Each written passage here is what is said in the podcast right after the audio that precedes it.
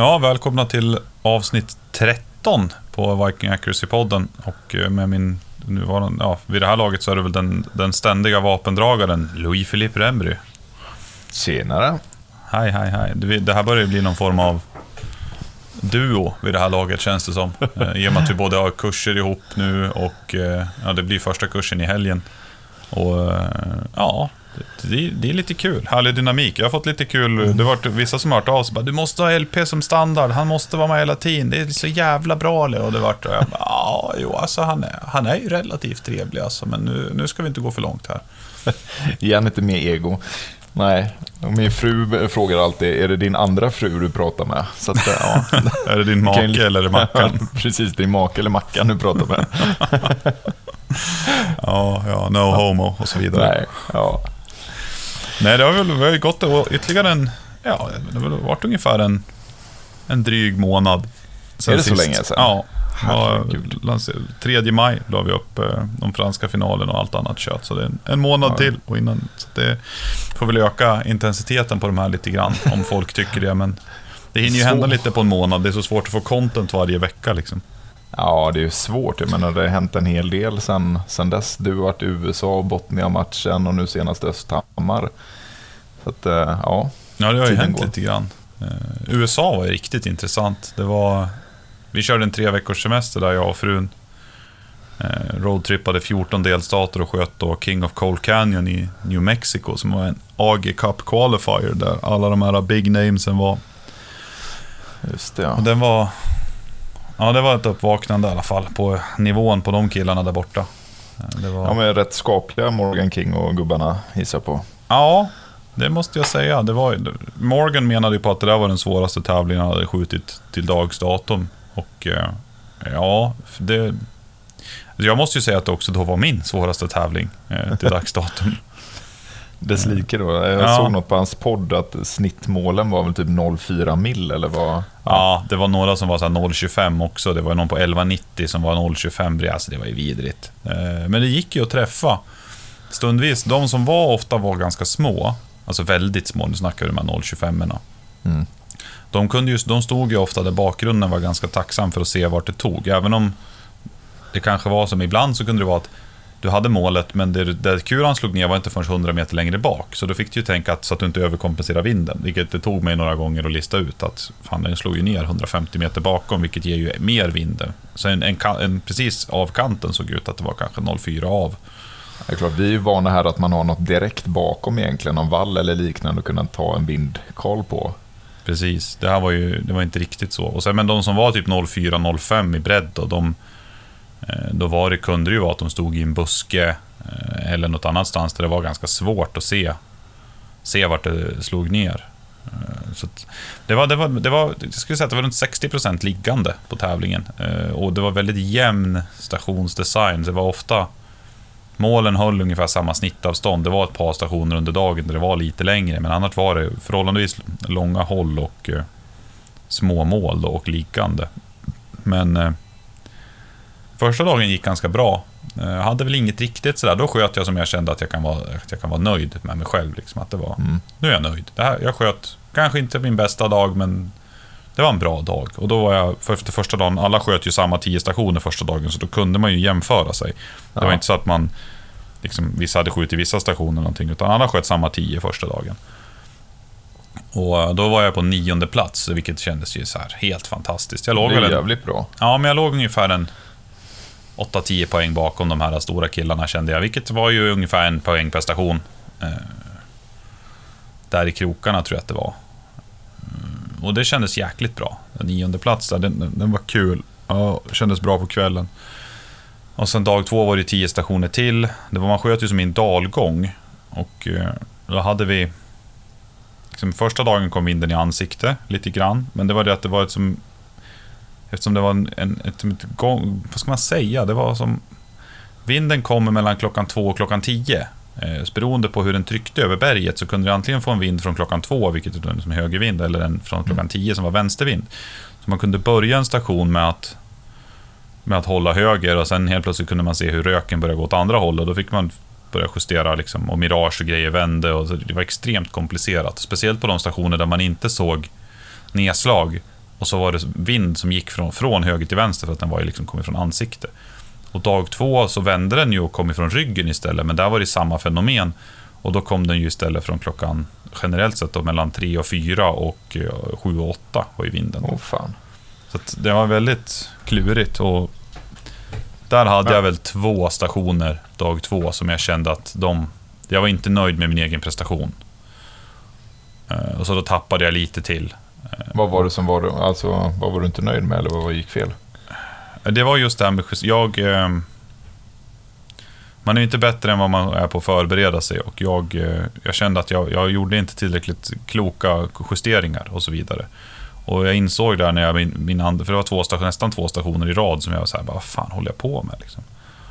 Eh, men så började jag liksom analysera, varför tänkte jag så här, varför gjorde jag så? Och sen, sen började samtidigt så stod jag där och så började man liksom, men fan jag har ätit och så vidare. Bara, bara, men fan jag har inte druckit någonting.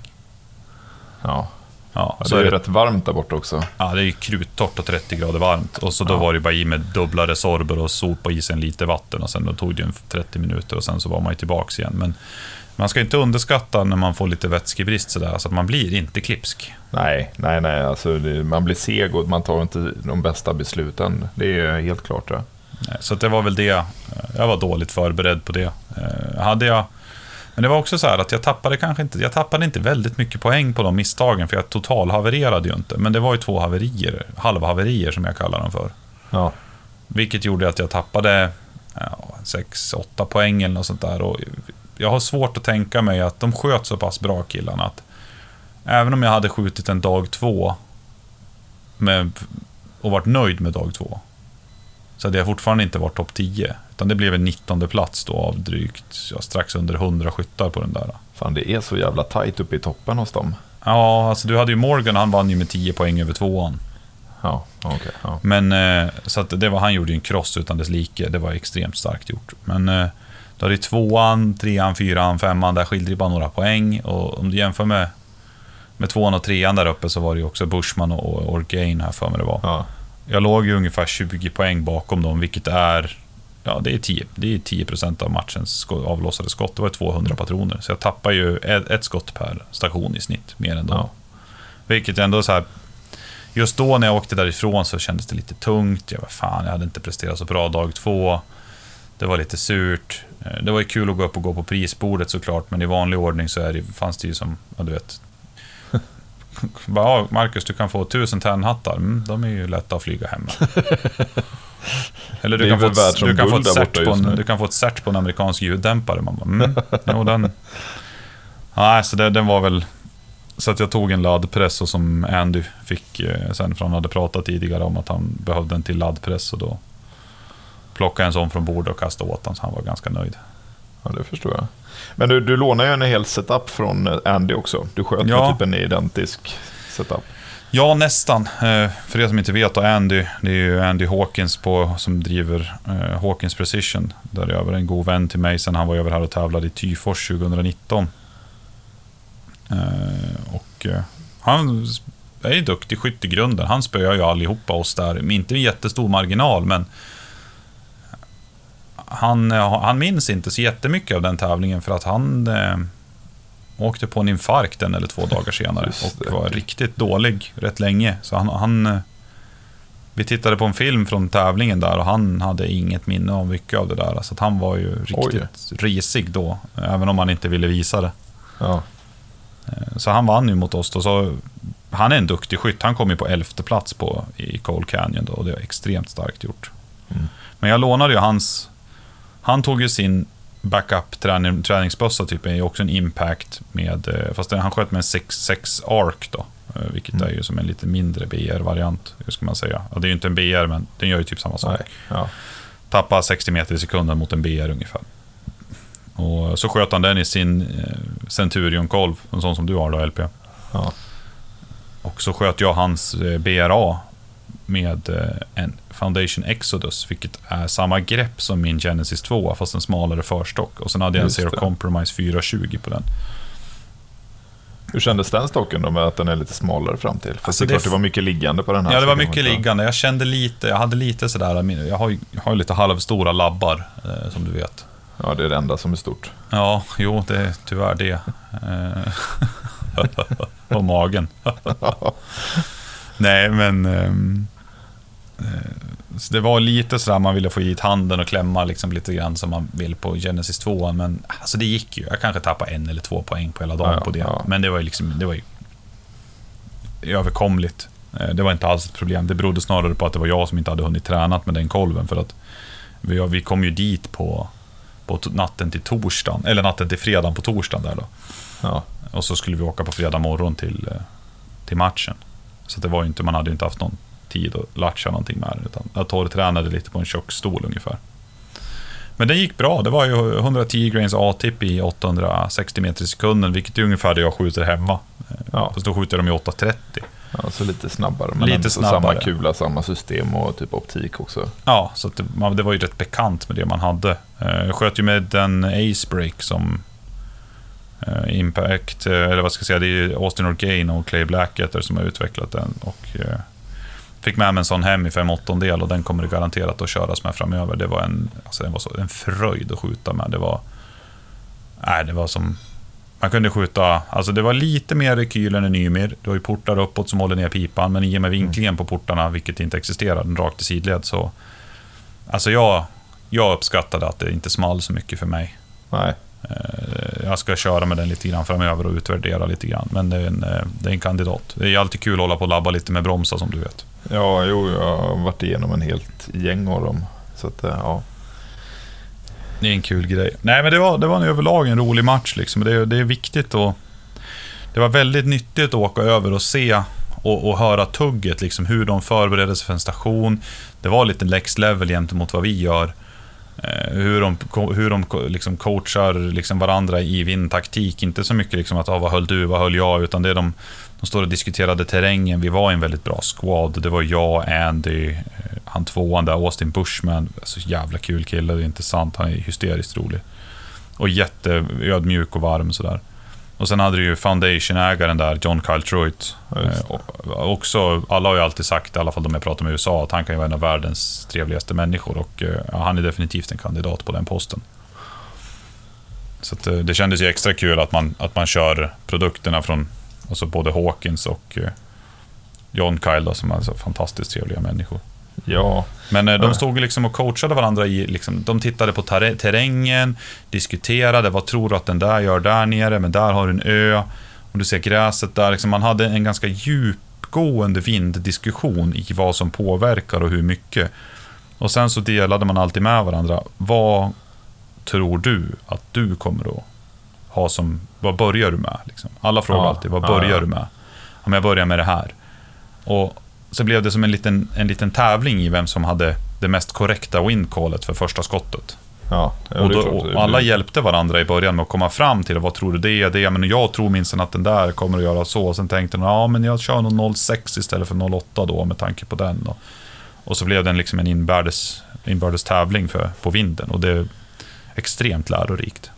Men det är ju ändå så gött för de som står och tittar också när du får vad, vad, liksom, vad är ditt första windcall som du kommer köra. För då kan man ju veta lite själv hur vindarna går. Det är jävligt svårt annars om du inte har pratat och försöker spotta en kille. Vad fan höll du liksom? Ja, Ja. Inte en aning. Och sen, precis. Och sen efteråt när man hade, då visste du liksom att om en Bushman, att han bara, "Men jag går in på 04 liksom, och så såg man, pang, centrum. Och sen hade han sagt, men på den, och så på den andra ska jag gå på 08. Ja, och då, jag- då visade det sig att det var bara 06. Och så började man kolla, okej, men varför var det bara 06? För att det borde rimligtvis vara, med den avståndsökningen, borde det ha varit en 08. Mm. Och så börjar man analysera terrängen. Jo, men det är nog på grund av den där kullen och där bakom är det förmodligen någonting vi inte ser, så minskar det värdet och så liksom... Man var ganska avancerad i sin kommunika- kommunikation och diskussion om just vind. Eh, På ett lättsamt sätt såklart, men det var, ja, det var intressant. Lärorikt som tusan. Vad tar du med dig mest från den tävlingen? Det jag tar med mig mest är nog att jag... Jag tror jag kommer att jobba mindre med holdovers och mer med skruvning. Jag gjorde det nu här i Östhammar, jag skruvade mer än vad jag höll.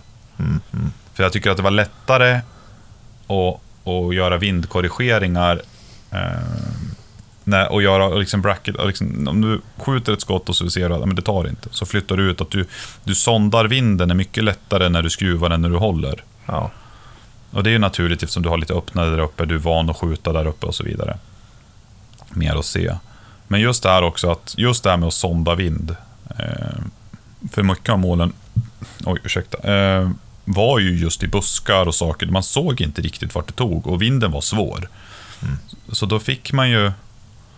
Man fick helt enkelt lära, man fick vara väldigt vass på att sonda vind när det inte tog. Och så analysera terrängen, okej, okay, vinden ligger kvar åt samma håll, men det tog inte. Jag har R03 utanför plåten, det är aldrig helvete att det är liksom under det värdet. Nej. Hur mycket ska jag lägga på för att det liksom har störst chans för träff och så vidare. Det var, det var nog det mest lärorika där, just det här med att, att hantera bråkig vind. Det där mm. det, även om hela resan till USA ur ett kostnadsperspektiv på grund av inflation och ökade kostnader var lite mer än vad man hade budgeterat. Så en sån här...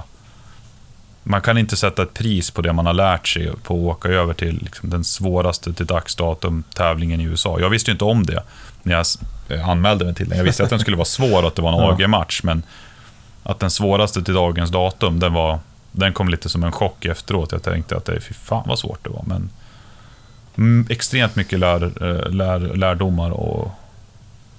Nej, det var... Det, det är ju så man blir bättre, liksom, på att ja. ständigt utmana sig själv i andra situationer. Och det är väl det som jag vet många amerikaner pratar om. Liksom så här, men de har ju förmånen att det är ett jävligt stort land och miljön är ju väldigt olika beroende på vart du är i landet att de säger alltid det. Alltså, visst, du kan vara skitbra liksom, på hemmaklubbar, men fan, res till andra sidan då. Och liksom utforska vindarna på andra ställen där. De har ju den fördelen att verkligen kunna få alla olika miljöer eh, som inte kanske vi har här. Ja, precis. Nej, den är... Och Morgan just där som vann, han hade ju vunnit nu, jag lyssnade på en podd där de pratade, han har vunnit 17 tvådagars matcher på två år. Och ja. skjuter väl jag vet inte hur mycket han sköt. Mellan 15 och 30 tävlingar om året ungefär. Eh, ja. Sådana här stora då, sen plus små. Det är imponerande att hinna med det. Alltså jag känner bara nu efter ett, ett gäng tävlingar liksom på tajt tid att fan, det tar. Det tar på en. Det som är ännu mer intressant är att Karn eh, tävlar även på ganska hög nivå i rodeo. Vilket man kan förstå när man ser han i jeans, buckle och skjorta liksom, och boots. no homo, men jävligt snygg. Uh, precis, cowboy butts drive me nuts, eller vad är det? Nej, men uh, det är lite kul, han har en liten udda stil sådär, men uh, han pluggar väl, eller har pluggat klart, jag kommer inte riktigt ihåg hur det var, till veterinär också. Utöver okay. tävlar i rodeo och PRS. Han har även fru, ett barn och ett andra barn på väg. Oj, ja. Mm.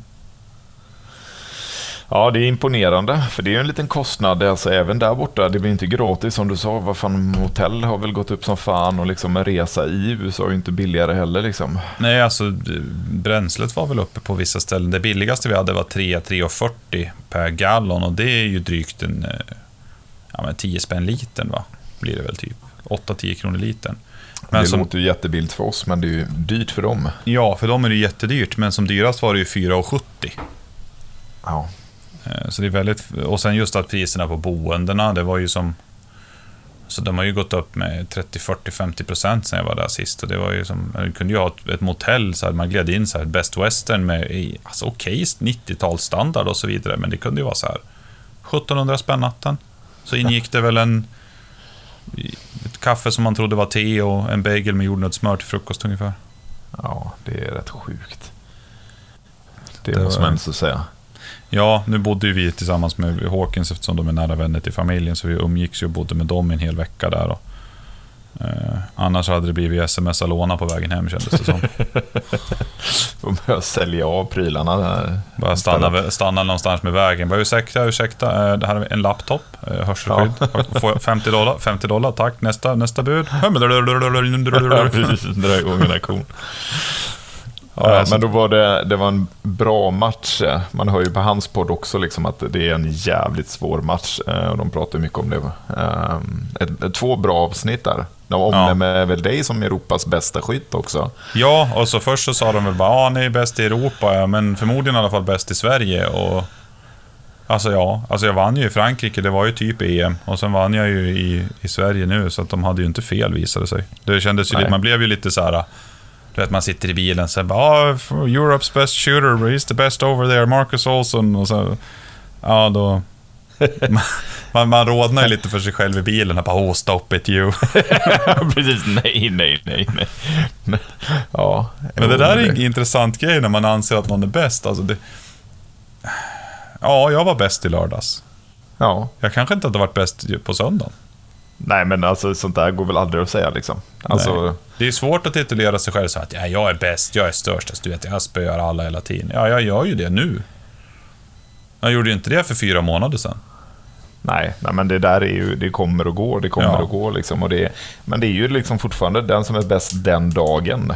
Alltså, du kan säga hur mycket du vill sen, att du kanske någon annan hade varit ännu bättre en annan dag eller andra förhållanden, men just den dagen så var du bäst. Och det är ju det som räknas. Ja, alltså jag, jag ändå så, jag vet inte om det är någonting inom mig. Liksom just då så kan jag vara glad och ta, men så går det en vecka efter det och då känns det inte längre som att man är bäst. Utan då, då måste man ha en, en ny prestation. Det är väl kanske det som är drivet inom mig, att man vill lyckas och att en, jag, jag har väldigt svårt att leva på gamla meriter. Då. Ja, nej, men det är väl det som får alltså, toppen oftast att vara på toppen också, för att man ständigt... Eller i alla fall, för, ja, men, du har ju varit med länge nu liksom, och fortsätter liksom att leverera och liknande.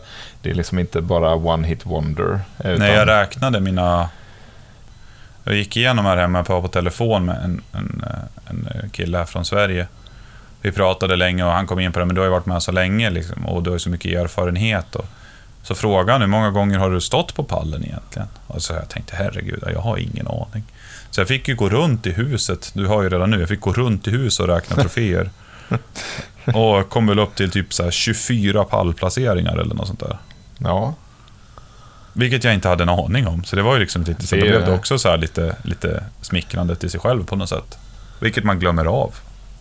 Ja, Men ibland, alltså det där tycker jag är jävligt bra att göra ibland, liksom att man tar tiden och reflektera på det där. Att man, som att underskatta sig själv. Jag tror att det är rätt vanligt, man glömmer sina liksom, prestationer och tittar framåt hela tiden. Ibland måste man stanna liksom och så här, ja, titta in. Det är väl därför eh, många elitidrottare alltid har sina pokal, alltså pokaler framme, liksom, eller man har speciella platser för dem där för att faktiskt gå förbi och få den känslan, fan jag är jävligt bra.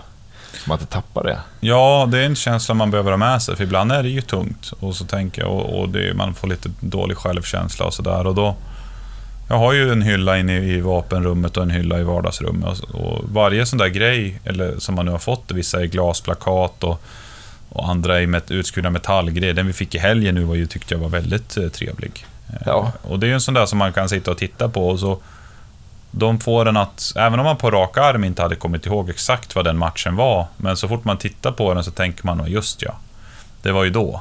Ja, Och så börjar man reflektera igen över den matchen och så vidare. Det blir ju som minnen och, och liksom uppfriskningar, att man kommer ihåg eh, tävlingarna och vad, kanske vad man gjorde bra och vad man gjorde dåligt. Och, och sen den här goa känslan av att få bli, och, bli uppropad och komma upp på pallen. Och det, det, var- jag menar, det var väl första gången nu i Östhammar för dig som du var upp på, på en På stor, stor. tävling. ja på stortävling så var det Visst, eh, visst känns det bra? Ja, det känns fruktansvärt bra. Man var ju tagen liksom, av känslan. Ja, den, Det- är, den är enorm. Men ni sköt ju Botnia Ja, här, när jag var borta. Det var ju en Ja. sån här tävling som jag, när jag satt där borta, bara fan, där skulle man ju vara. Men ja samtidigt så satt jag och drack eh, Course Banquet och, och käkade tacos och mådde ganska bra. Men Ja, men det var ju eh, Botnia där uppe med ja, men, Tobias och deras match. Eh, jävligt trevligt och jävligt välarrangerad. Eh, jag hade inte förväntat mig så mycket annat. Liksom. Är det något jag förknippar med struktur så är det väl typ Tobias och de där uppe. Eh, alltså vi började förmiddagen med att eh, skjuta. Det var ju i och för sig lite intressant för att eh, jag tänkte att matchboken matchbooken är ju nog felskriven för första stationen var 1400 meter. Eh, tänkte så här, oj, nej, men de måste ha vänt på det. Eh, men när man började på ett fält, sköt, vilket jag tyckte var jävligt bra, alla sköt under samma förhållande de längsta avstånden. Så då kan man inte hålla på och liksom så här, nej men jag sköt den. Eh, när ni andra sköt 300 meter sköt jag 1400 meter under väldigt alltså, hårda vindar eller vad som helst. Utan alla sköt Eh, samtidigt, så vi sköt väl en station där var 1400. Sen var det någonstans runt 1200 meter om jag inte minns fel. Och sen så var det någon runt 1000 och så 900 eller 800 någonting där. Eh, lite olika eh, som vi sköt där på förmiddagen. Och sen så åkte vi upp till ja, en sjö egentligen, eller flera sjöar tror jag det var till och med. Och eh, sköt över dem. Och då hade man djurmål, vilket var jäkligt kul att faktiskt eh, byta lite bara det här rund och fyrkant till att eh, skjuta liksom på ja, men, vildsvin.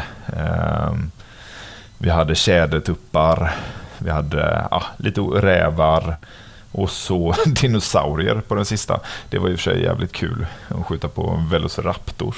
Mm. Jag får flika in på en gång, vi sköt ju på, det glömde jag ta upp på USA-biten, vi hade ju ett par stationer med djurmål och de var ju det var ju coyotes och bobcats och grejer som de sköt på, men de var väldigt höjdled var de typ 0,2 mil, men ja. 0,6 långa. Så vinden var ju förlåtande på, men på höjden där åkte man på stryk om du inte hade rätt. Ja. Och sen just det här med att samma, av dem var ofta att du sköt i mål från klockan typ 9.30 eller eh, 9.10 bort till klockan 2. Så det var stora vinklar man sköt på också. Eh, så det... Ja, det var ju någonting som Tobias eh, fick till här också. Den, en av de sista, eller sista som vi sköt, näst sista kanske det var.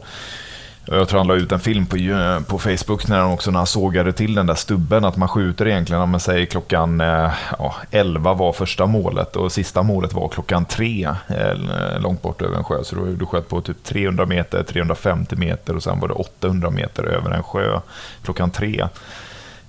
Så det var ju jävligt intressant att få liksom tänka lite vindar på hur det skiljer sig när du vrider så mycket i klockslag på dina mål. Mm. Det är ju jätteviktigt det där med eh, det, det, är, det är någonting jag behöver jobba på mer, taktik på och, och sen skriva upp vinden. Alltså man mäter ut i vilka vinklar vinden kommer mot de olika målen och sen skriva ner. För annars tror jag, är det, i alla fall jag ganska lätt med att glömma bort att vinden kommer från olika klockslag när man byter vinkel. Ja, men jag tror att de, de flesta har det.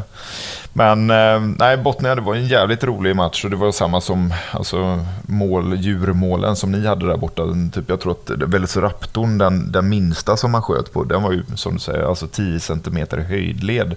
Sen var den ju ganska så, eller förlåtande, jag vet inte om man ska säga vind, men eh, man fick hålla koll på sitt dope. Eh, så det var en otroligt trevlig tävling. Eh, synd att det inte var, ja, vad var vi, strax under 40 tävlande. Eh, för den förtjänar verkligen att det är mycket fler som kommer och jag tror det kommer göra det om de kör igen. Eh, för det var ingen som liksom var missnöjd på något sätt utan alla var jävligt nöjda med hela setupen på tävlingen och det är få tillfällen som du kan få komma ut och liksom, ja, verifiera dope ut till 1400 meter eh, på det sättet. Eh. Men det där, jag tror definitivt att den kommer att växa. Det är ju alltid svårt när man kör en första tävling innan det liksom får ett gott rykte och så vidare. Jag skulle ändå säga att, vad sa ni, det var 40 stycken? Ja. det är ändå förhållandevis bra, eh, måste jag säga. Men det kommer definitivt att växa. För nu har ju folk sett det här, det är en bra tävling, snacket kommer gå, nästa gång kanske det blir 60, sen 80. Och sen ja. så mycket som det går helt enkelt. Ja men precis, ja, kapaciteten finns ju till att skjuta många där. Liksom, så att, eh, det var trevligt. Eh, nej, eh, supernöjd överlag. Liksom. För mig var det kul att få verifiera liksom, dopet ordentligt också inför Östhammar. För verkligen se till så att ja, man har koll på sina grejer. Så vad blev det? Det blev en fjärde plats för mig där. Jag är jäkligt nöjd med det. Eh, gjorde någon tabbe där. Eh, men jag vet inte om det hade... Även om jag hade skjutit lite bättre så, ja, toppen de var, de var bra. Eh, så att nej, Botnia, jag kan inte säga så himla mycket illa om den matchen. Jag kan inte säga något illa om den matchen egentligen. Jag tyckte det var en svinbra match och kommer definitivt åka igen. Nackdelen är väl att lägga typ 24 timmar i bil eh, under loppet av en helg. Det är ju den man åker på. Det är som när man åker upp till Haparanda eller något sånt där på tävling. För då är det ju samma sak. Det, det är ju lite kämpigt så här men det blir ju... Jag brukar försöka när man åker så där långt att man sticker liksom vid lunch på fredagen. Eller är rätt av kanske ledig fredagen och eh, sticker upp eh, torsdag eftermiddag. Så att man är riktigt utvilad ja, alltså, när man kommer fram. Vi tog ju ledigt fredagen och lämnade, ja, Bagge kom ju hit och så körde vi för ja, halv sex körde vi härifrån. Så är man uppe där med lite stopp och grejer och handla för annars måste så var man framme vid åtta kväll, tiden på kvällen tror jag det var. Så att eh, ja, det blev en liten eh, en sträcka men det var det definitivt värt. Så det var jävligt kul. Mm, mm. Nej, det där är... Det, det, är värt att åka iväg sådär på tävlingar. Det är, det är jättenyttigt och kul. Jag menar, man åker ut och... Det, halva grejen nästan skulle jag väl säga. Det är väl självklart man kan åka över dagen och allt sådär, men det är så jävla trevligt att hänga med rätt folk. Ja. Alltså det, man äter bra, dricker lite öl efteråt och sådär. Eh, det, det, som nu, ja, precis som vi hade i Östhammar. Extremt trevligt ja. gäng i stugan. Ja, men det blir trevligt och där försökte verkligen Tobias. Han rekommenderade ju ett hotell liksom, och de hade ju fixat så det var middag på kvällen liksom, för en billig peng och liksom, så att alla satt där och käkade. Vi hade några norrmän där. Och, ja, det, var, det var jävligt trevligt det, eh, måste jag säga. Sen, sen var det bra, det var lite järngympa på den matchen också med lite olika så men hit or miss eller ja, hit to move och skjut på det racket och sen det racket och så eh, ja, men från vänster till höger mm. och så fortsätta Eh, jag gillar när de slänger in liksom det. Eh, att det inte bara är liksom meatball-match, liksom åtta skott mot den plåten, utan att man faktiskt börjar liksom Ja, men man får både liksom tänka vindar, du ska tänka på liksom vilken ordning jag skjuter, eh, vinklar. Eh, ja, eh, det, det kittlar mina nerver när man slänger in alla dem. Som, eh, som det var väldigt mycket på Östhammar. Då. Mm, ja, precis. Nej, men det där är det är tacksamt. Jag tycker det är kul när man kan jobba med sådana där grejer. Eh, och framförallt terräng och mycket hinder som är från naturen. Alltså stenar, stockar, stubbar, stabila saker som är så att skjuta på. Det, det, det, man skjuter tillräckligt mycket på skjutbanor och från liksom byggda barrikader och sånt där. Att det, det, blir, det är kul när man kommer ut och får skjuta från skogshinder.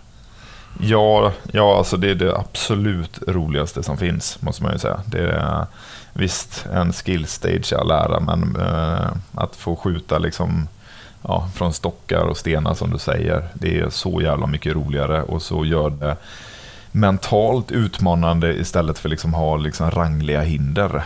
Mm, eh, mm. Så att, eh, nej, det var jävligt kul. Sen var det ju Östhammar då. Ja, det var... Vi kom ju dit på på fredagskvällen allihopa egentligen och packade ordning och gjorde klart. Vi hyrde den där trevliga lilla stugan och allting och alla var... Ja.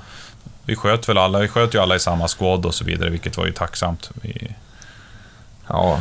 Vädret var ju inte det bästa, vinden tryckte men ändå, jag tyckte ändå att det var ett bra matchväder. Det var utmanande, om man ska säga det så. Eh, framförallt så var det kul att, att vara ute bland folk. Det var lite sämst ibland när man märkte att det regnade in i nacken ungefär. Och det var, men det, det tänkte man bara på i några sekunder och sen så eh, var det lattjo igen. Ja, humöret var väl aldrig någon som deppade för vädret precis.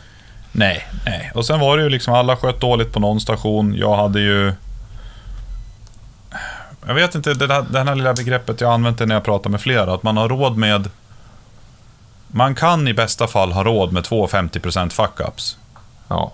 Men man har aldrig råd med 200%. Nej, nej, då är man borta. Och jag hade mina två 50% fuck-ups och, ja. Och klarade mig ändå. Jag var inte nöjd med min prestation på två av stationerna, men jag var så pass, det, det sköt så pass jämnt och stabilt över resten att det höll ju in i mål ändå. Ja. Och, vi, var, vi, vi började på stationen där nere vid... Det var ju den där buskarna och så två stenarna man skulle springa emellan där. Ja, men precis. Station 10 och 11 där ja. Mm. Den var ju, den tycker jag, jag tycker att den har vi skjutit i flera, alltså den, den skjutplatsen har vi haft i flera år. Okej, okay, ja, den, för mig var det ju första gången på Östhammar någonsin. Ja, men den är, det är, det är som du såg, det är ett fint ställe att skjuta på överlag. Ja, fantastiskt. Men eh, då, då skjuter man ju där från stockarna. Det, skjutplatserna är ju ungefär samma, målordningen är lite olika och utförandet lite grann, men skjutplatserna är ju de samma. Och det är egentligen bara tre, tre uppsättningar stenar, ursäkta, som man, eh, som man skjuter ifrån. Mm. Och det där var det väl totalt 24 poäng tillgängliga va? Ja, 12 på varje. Ja. Uh, vad fick du på den där? Eh, 20 poäng fick jag. Jag fick 10 på första och 10 på andra. Och så hade jag, jag drog på mig en, en 12 och en 11. En 11 va? Ja. 11 på första och 12 på andra. Ja, stämmer. Och den var, det var kul. Där tog jag verkligen god tid. Jag skruvade alla avstånd där. Jag kände att jag hade den tiden på mig och eh, blev väl klar på bägge, eh, bägge rundorna med drygt en 10-12 sekunder kvar på varje runda ungefär. Gott om tid. Mm. Eller ja, gott och gott ska man väl inte säga, men tillräckligt för att det ska vara bekvämt. Ja.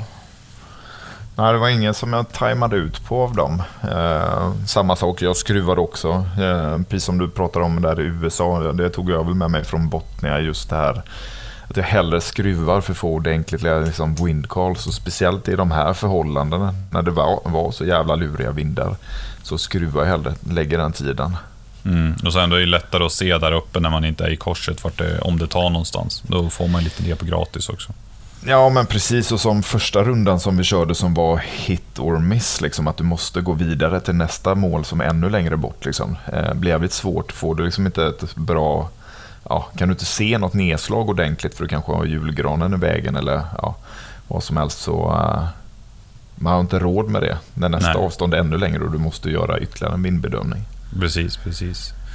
Sen kommer vi ut till eh, station 1213. Eh, och då var det ju att man skulle skjuta, då var det bara pipan. Den enda regeln var egentligen pipan framför stocken. Ja, precis ja. Och då eh, blev jag allas bästa kompis helt plötsligt när jag hade tack table på min tripod. Mm. Yes box ja. Jag hade faktiskt tänkt göra samma. Jag har ju en egen snickrad tack, äh, tack table. Men det äh, fanns ju ingen anledning till att byta ut din tripod. Nej, den var ju som, det var ju, man behövde ju inte ens fälla ut den, utan det var ju bara ihopfällt läge, ställa ner den, ut, dra ut benen, ställa ner den lägga på ja. säcken och sen köra. Eh, det var ju sex skott på första där. Eh, stor, liten, stor, liten, stor, liten och jag eh, fick tre träff på den rundan. Det var, inte, det var, det var en, det skulle jag vilja säga att det var en av mina... Inte en full... Ja, det gick väl inte fullt ut så bra. Den var svår. Ja. Det är svårt när man bara får skjuta en och sen måste gå vidare utan att kunna sonda någonting. Eh, den, var lite, den, var, den tyckte jag var svår, men tre träff av sex, det är ändå hälften. Så att det kändes jävligare med, med siffran tre än vad det faktiskt var. Ja, jo, men eftersom det var sex, jag fick också tre på den. Det, vinden på den lilla sen, det tredje målet. Jag träffade väl alla tre först och sen så, eh, ja, sen försvann jag helt i vinden. Jo, ja, det var samma för mig. Det var andra varvet på, på små, då gick det inte alls. Det var, det ville inte. Och sen kom vi in på Eh, station 13 där och då, då var det ju hit... hit var det inte move, hit to move? Jo, men stor, du skulle skjuta två på den stora på varje ställe och sen så två på den lilla på varje ställe efteråt va? Ja, just ja. Så var det ja. Så near to far. Och då lyckades väl jag få till det jag, jag fick. Jag träffade hela vägen ut, så jag, hade, jag säkrade ju sex stycken. Och sen så träffade jag bägge två på första och då hade jag åtta och sen så träffade jag en på andra lilla och sen så... Eller när jag bom, började med att bomma på andra lilla ett par smällar och sen så lyckades jag hitta in den men då... Sen var det slut på skott. Ja, jag körde nästan exakt samma fast jag träffade den nionde direkt. Mm. Och sen så när jag skulle köra exakt, det var det som var så sjukt liksom. För jag såg, det var ett bra träff liksom i plåten. Kör om direkt liksom, snabbt på nästa. Helt borta kan inte se det. Ökar vinden lite, helt borta. Och sen så, jag eh, tror att det var det, sen ett eller två skott till innan det tog slut. Kunde inte se någonting. Så det skilde liksom från ja, vad han då går från min träff liksom till att jag sköt igen en mm. två sekunder kanske. Eh, och då var man helt borta. Ja, jag, jag tror jag... Jag gick över på den andra lilla, bommade, bommade, la på mer vind, träffade, och sen så tror jag det bara var det man hade. Jag kommer inte riktigt ihåg. Men det, det, det gick det när jag började tänka det här med vind, att man ökar 80% av plåtens bredd. Om ja. du bommar. Och jag var ganska säker, mitt windcall kan ha varit lite klent. Eh, och så började jag tänka, ja men det är definitivt inte mindre än det här. La på 80% av plåtens bredd, bomma igen. La på 80% av plåtens bredd, träffade. Man bara, satan, nu har det tryckt på liksom. Ja, jag vet den första när jag fick tre, då, då höll jag ju på tog för lite vind. Jag tror att jag på den längst bort till höger var på en mil. Eh, rundan efter var jag på en och en halv mil. Mm, jag var också där uppe, eh, runt mellan en och en halv och 1,7 på, på den långa. Så att, eh, ja, det blåste ju på. Det känns alltid lika läskigt tycker jag, när man är liksom så här, när du kommer liksom över en mil från plåt liksom, så är man så här, åh helvete, kan det blåsa så här mycket? Ja. Ja, och så tänker man efter att när man ser de här matcherna i Oklahoma när de ligger på liksom med 12-14 meter i sekunden, allt bara ryker och sen så bara, ja men jag håller 6 mil vind. Man bara, ursäkta? Ja. ja, är mer än vad man höll på ELR. Ja, det kan piska på bra, så att man ligger ju lä på vinden. Det var ett jävligt lurigt fält där, tyckte jag, som man sköt från. Eftersom man satt i en liten dunge som var nästan helt vindskyddad. Det var inte jättelätt att se eh, dit ner man sköt, liksom, exakt hur det gick, för det var ganska höga träd bakom. Eh, det var svårt att bedöma vinden därifrån. Mm. Jo, det var väldigt svårt. Eh, jag lyckades ju någon gång under tävlingens gång, jag kommer inte ihåg vilken station, men när man skjuter med A-tipparna så silvertippen den lämnar en mm. liten vit prick på plåten. Om det är riktigt sönderskjutet. Då kan du se en ljusare del eh, av, av, aluminiumet som liksom går in. Och då, mm, då kan man ibland, det här är ju väldigt sällan man får möjligheten att se det, men det har hänt några gånger att jag har sett att, men vänta nu, den där den blev lite ljusare, lite väl nära kanten. Mm. Och så mm. får man lägga på lite vind. Det är en fördel. Den är tacksam faktiskt. Den är, jag skulle inte säga att det är därför man bör köra A-tipp, men det är liksom en liten bonus. Ja, en liten bonus. En liten. Men sen efter det då gick vi bort till eh, den där barrikaden och pinnen. Ja, just det. Station 1. 1 eh, och 2 ja, just det. En skill stage som var ursågad från lite stockar och sen så eh, plockepinn eller vad fan man ska Eh, kalla det, men pinnen man flyttar mellan tio olika positioner. Eller jo, det blir tio olika positioner där ja. Ja, den var... Skillstation var ju inga konstigheter så. Den var lite svårt, där sköt man Nej. också ut över en annan åker, det är svårt att se vinden. Jag tappade en där. Jag eh, hade bra windcall på den första, höll utanför plåten för att träffa centrum. Och sen mm. ett av skotten så uppfattade jag inte riktigt att det tog av och då, då gick han precis utanför kanten. Jag såg hur liksom jag såg hur han rev i buskarna precis bredvid plåten. Den, är, det var lite oturligt. Ja. Men eh, ja, sju av åtta där. Eh. Jag gjorde exakt samma sak. En som gick av. Sju och åtta på samma sak. Sen kom vi till den som vi alla tyckte var intressant. Det var med att flytta pinnen. Ja.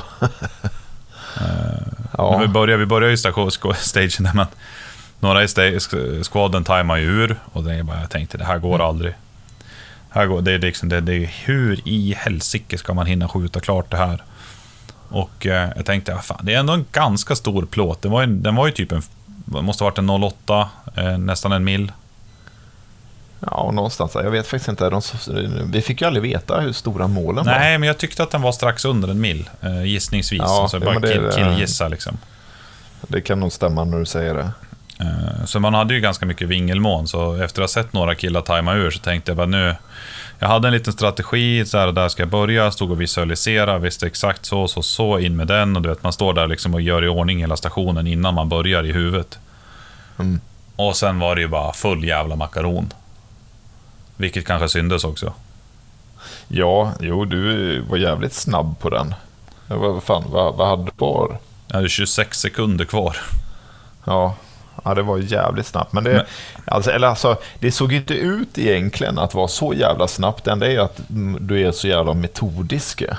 Alltså, det är inget tvek. Det är ju det som får folk liksom att tajma ut. Det är när du tvekar eller liksom inte är, kommer i position direkt. Mm. Här hade du ju liksom, du, du kom i position direkt hela tiden. Liksom. Um, att, eh, det kändes det liksom, han kom in, drog in, bommade ju en. Så det var ju det där, man kan ju inte köra fort nog och liksom, man kan ju inte gasa i kappen bom.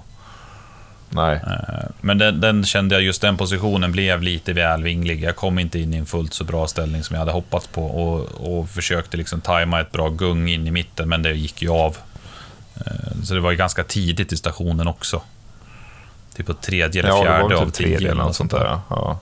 Och sen så var det bara gasa på liksom och så tänkte jag... När jag kom ner där tänkte jag, jag vet att jag slog igen slutstycke i liggande positionen och tänkte bara... Nu tar tiden slut. Nu är han slut. Och nu tar han slut när ja. som helst. Och jag tänkte...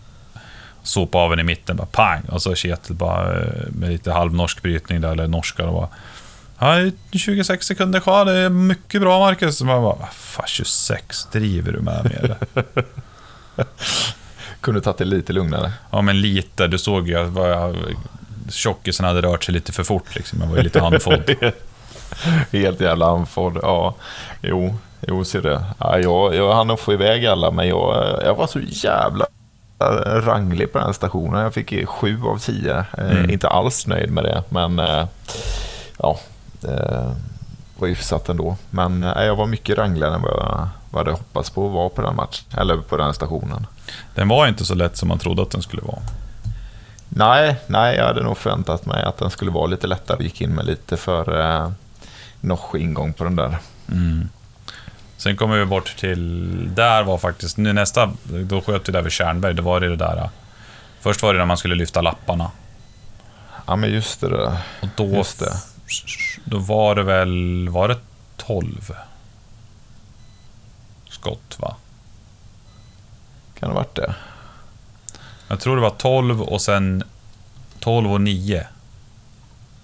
Ja, kanske det var ja. Ja, Ja. nio var det på andra rundan med Ja. i alla fall.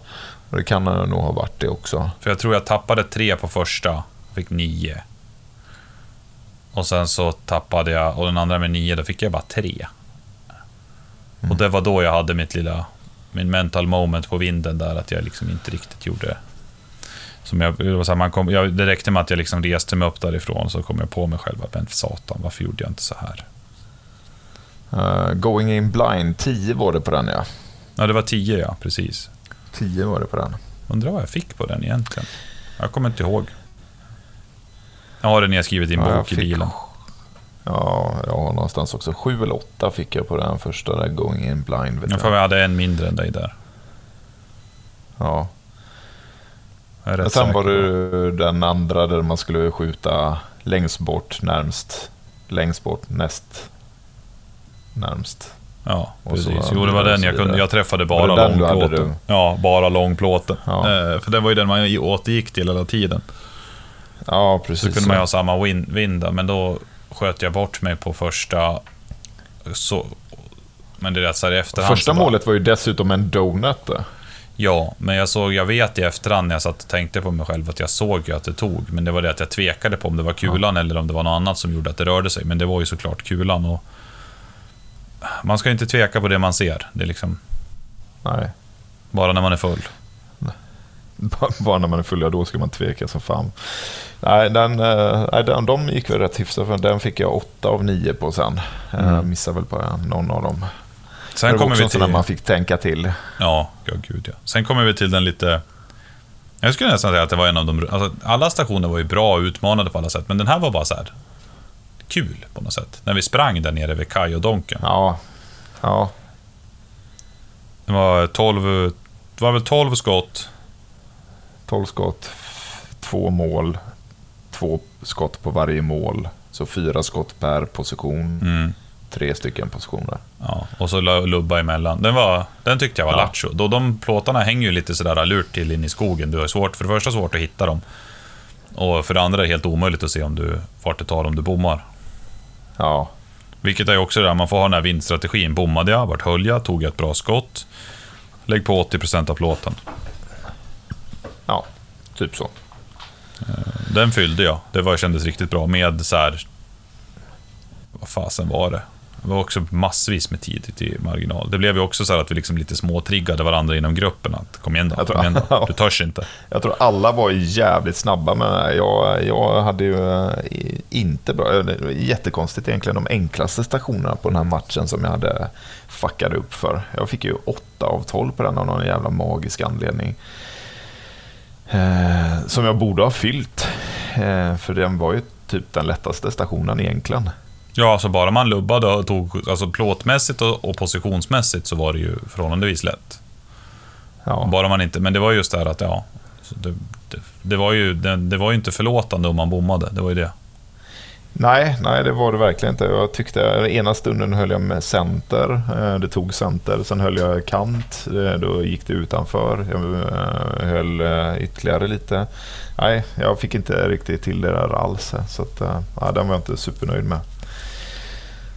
Men det var kul. Den, den var superkul var den. Det var absolut. Jag älskar sådana liksom. Eh, naturhinder, lubba emellan. Eh, nej, jag tyckte den var jävligt kul. Nästa station så kom vi väl bort till där de hade saxlyften året innan som de sa, där nere där man skulle skjuta det var, ju, det var mycket så kallade troop lines nu, att man skulle skjuta sig utåt jämfört med vad det brukar Ja. vara. Eh, Det har blivit sånt och det tycker jag är kul, för det är så mycket man har när det är bra niv- nivå på tävlingar ute i världen.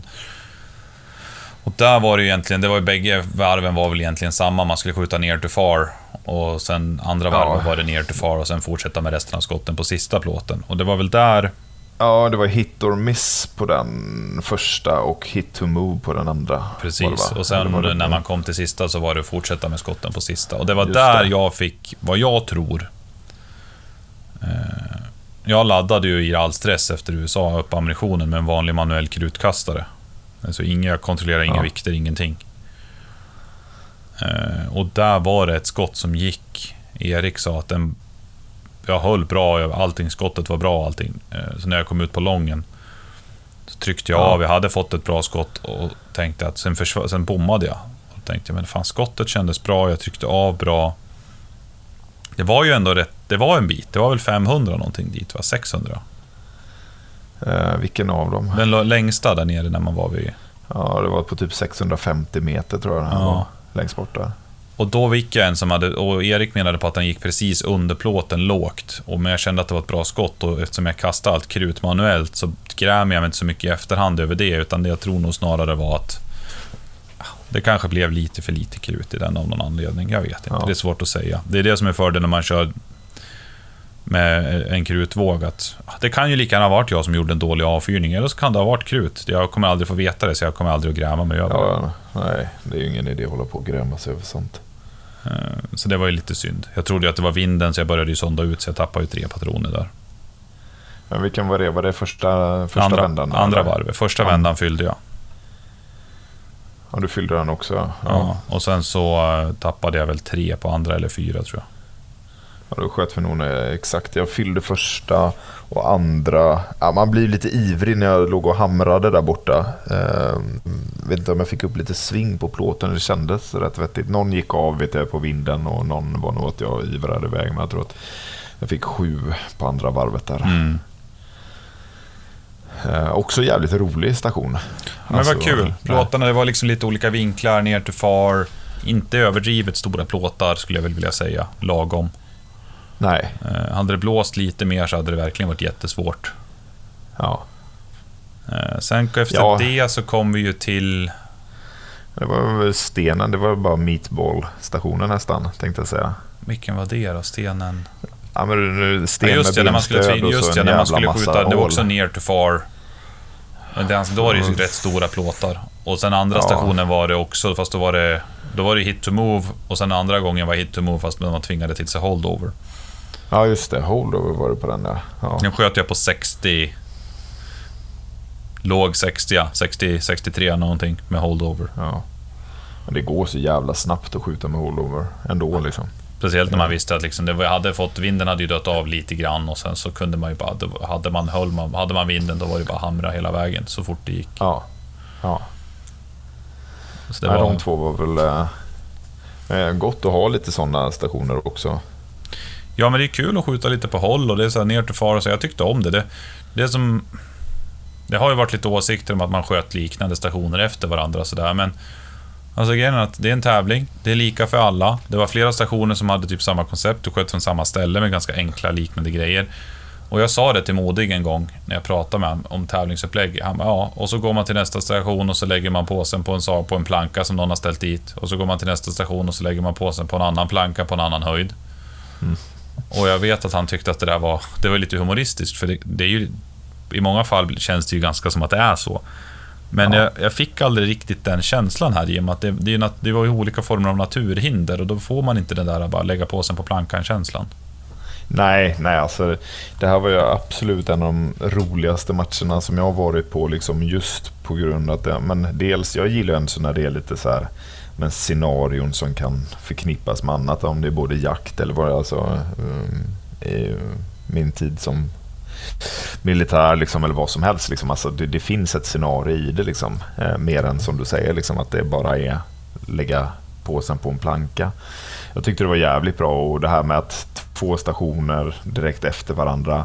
Ja, det är ju en grej om det är liksom allt annat är typ åtta poängstationer eh, och sen så kommer två stycken jätteberoende på jättelångt avstånd direkt efter varandra som kanske är 12 eh, poängstationer eller mer.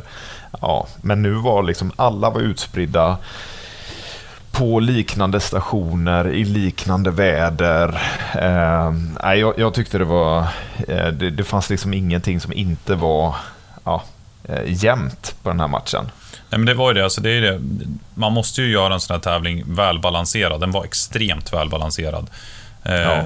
Det var, det var ju liksom på grund av väder och utformning. Modig och Micke hade ju med, medvetet gjort, hängt upp låtar så att det skulle vara svårt och snudd på omöjligt att se nedslag för att, för att testa folks sondningsförmåga. Så hur, hur sondar du efter vind om du inte ser vart det tar och du bommar? Litar du på Mm. Ja, då- din eh, tabell? Ja men precis, du får ju vara jävligt säker på din dope. Är du det, då, men då kan du börja sonda. Liksom. Är du inte det, ja men då, då ser man ju som vissa liksom, kör elvispen runt målet istället. Ja, ja, upp, ner, precis. höger, vänster. Jag ju, jag har ju skjutit med krutkastade laddningar med A-tipparna på 500 meter och det är så här, du har en höjdspridning på max någon centimeter. Alltså de är så konsekventa Ja. i höjdled. Och sen, så jag, jag tvärlitar ju på min tabell och det vet jag att du också gör. Du har ju varit Ja. ute på riktigt långa håll och testat dina DL-kulor. Alltså det, de är pålitliga. Ja, och sen så, alltså jag tycker generellt folk jagar liksom så här. Jag, jag har skjutit nu, ja men som Botnia-matchen, där, där hade jag ju sett att mitt verktyg skruvade upp sig liksom. Och jag hade lite fel på hylsor och grejer. Jag tror att jag hade ett ES på typ 12-13 på dem Mm. som jag åkte med. Det räckte liksom för 8 av 12 på 1400 meter och så 12 av 12 på 1200 meter. Liksom. Folk oroar sig att man måste ner liksom på extrema nivåer för att kunna skjuta. Liksom. Det är på plåtar på långt håll. Eh, som du säger, liksom, krutkastare funkar perfekt. Alltså, kan, kan du bara ditt dope och du vet, ja, Ja, ja. Jag, jag är rätt övertygad det. om att den där som jag sköt lågt där borta, det var ett dåligt avtryck. För det ska till ganska mycket min, mindre krut för att skjuta under en plåt på 650. ja, är rätt ordentligt. För jag har ju testat så här, jag har gjort 10-15 patroner i stöten genom kronograf och mitt ES har ju varit så här 8, Ja, 6. ja, då är du inte det, då är du snarare en- alltså en dålig avfyring. Ja, Som är. det är högst sannolikt att det var det. Men det, ibland är det lite kul att kunna gnälla på någonting annat också.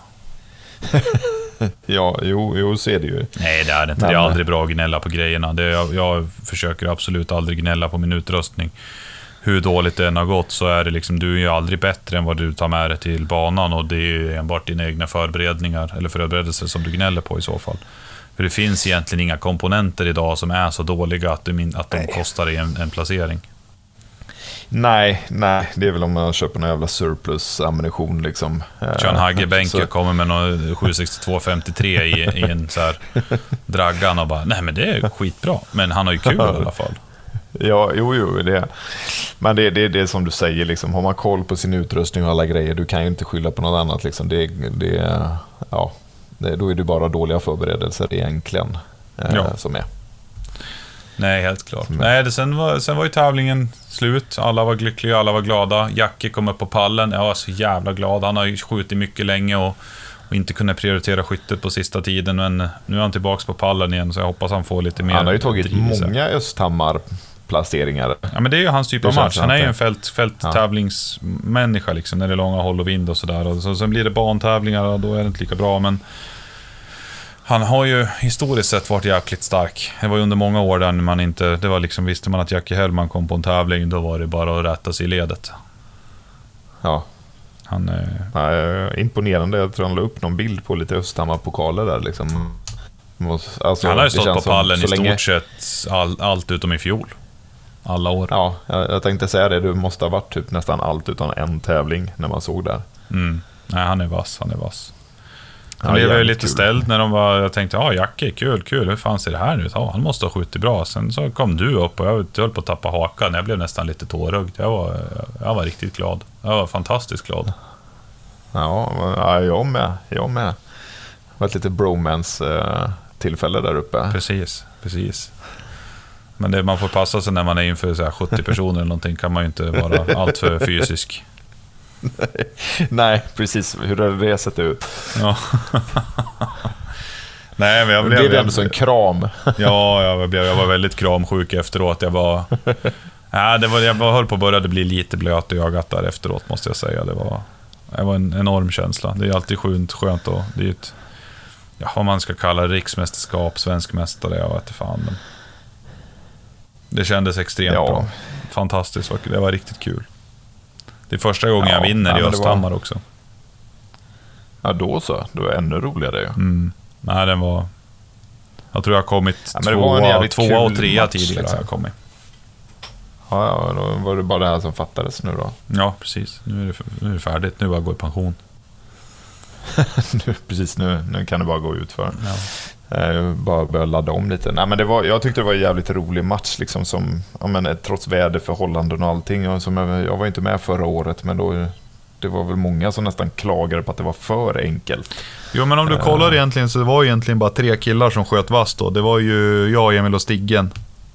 Ja, Och sen så rasade det ju fort därefter. Eh, Så det var ju inte... Jag skulle säga att de små plåtarna var lite för stora. Så, el- och så de hade ju Ja. minskat dem med 15% ungefär, eller mer. Och Ja. behållit alla stora plåtar. ja. Och visst sig, det funkar ju, det var ju ett ganska bra recept. För de, de svåra blev lite svårare. Och Ja. så då, då skiljer man ju agnarna från vetet så att säga.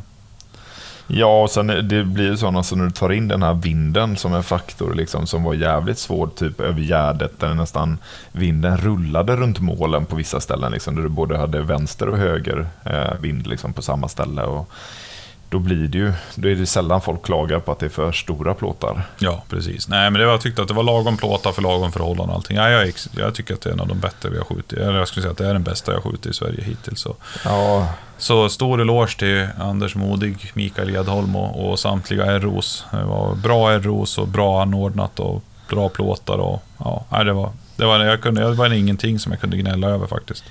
Nej, nej, jag tyckte inte heller. Alltså, det, det var jävligt proffsigt, liksom, som du säger, liksom, rakt igenom med ROs och allting. Det fanns liksom inget tjafs som, ja, men, på något sätt, liksom, utan alla såg bra och var, det någonting så liksom, de var jävligt lyhörda. Liksom, och, Ja. nej, jag tyckte det funkade, funkade klockrent. Jag pratade, Modi ringde mig ja, men, på måndagen där också liksom, och ville ha lite sy- eller vad jag tyckte och sådär. Liksom, och sa samma sak till honom, liksom, att det var jävligt bra match liksom, på alla sätt och vis. Jämn, det var bra stationer och det var liksom, ja men, ehm, ja, bra rakt igenom, så kan Ja. man säga. Nu är nästa steg att vi, du kommer ju upp hit på fredag. Ja, ja fan, men, eh, det känns som att det är typ imorgon eller? Nej, det är torsdag imorgon. Torsdag imorgon, ja. ja. Så kul ska vi jajamän. inte ha det. Någon dag måste Nej. jag få för mig själv. Ja, Då, då är det eh, kurs. Kurs, åtta glada själar i Västerås. De ska börja hamra plåt och eh, förhoppningsvis lära sig lite tips and tricks på how to slay the steel. Ja, det ska bli jävligt kul. Jag är, jag är taggad som fan. Ja, eh, nej, det här. ska bli fantastiskt roligt. Det, där, kommer vi, där kommer bli riktigt lärorikt. Det, det, det är bland de... Alltså det är så otroligt utvecklande och kul att se folk. Så när man kommer dit, vissa människor de har så svårt, de har jättesvårt att ligga på en 30-plåt och så vidare. Sen bara dunkar man på en 6-7 timmar in i dagen och sen så går ner, pipet går, dit, går ner, sopar, cleanar stationen på en 20-plåt istället för att ha haft problem på en 30 när man kommer dit och hålla sig på tiden. Och det, Ja, det är riktigt kul. Det är kul att jobba fram det där. Ja, men det är alltså just kurser och utvecklas. Alltså jag har haft många skyttekurser i försvaret och som instruktör och så. Jag tycker det är, precis som du säger, det är absolut bland de roligare grejerna som finns. Är liksom att se folk utvecklas. Liksom i just liksom, att pusha sina egna gränser. Liksom, vad man själv inte trodde gick. Liksom, med några egentligen, vad man kan säga, enkla eh, alltså justeringar.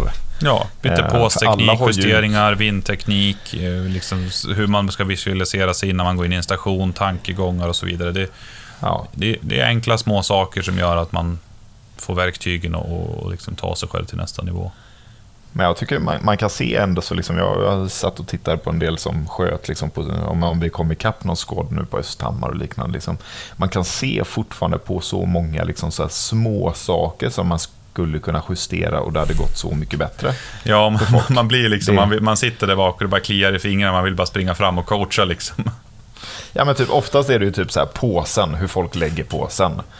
Och så säger man så här, hade du bara vinklat den så så hade det blivit liksom 50% stabilare utifrån Ja, och påsens hållit position. handen liksom. så här istället och dragit in kolven på det här viset Ja. och sen liksom positionerat upp kroppen lite sådär och då... Och det är oftast Ja. det man gör. Alltså man, man bankar in i ryggmärgen på folk att du måste stå så med kroppen, du ska räta upp den på det sättet, du ska vinkla nacken. Alltså hela hållningen på kroppen gör allt. Ja. Nej, det ska bli jävligt kul. Jag är bra taggad för att åka upp här.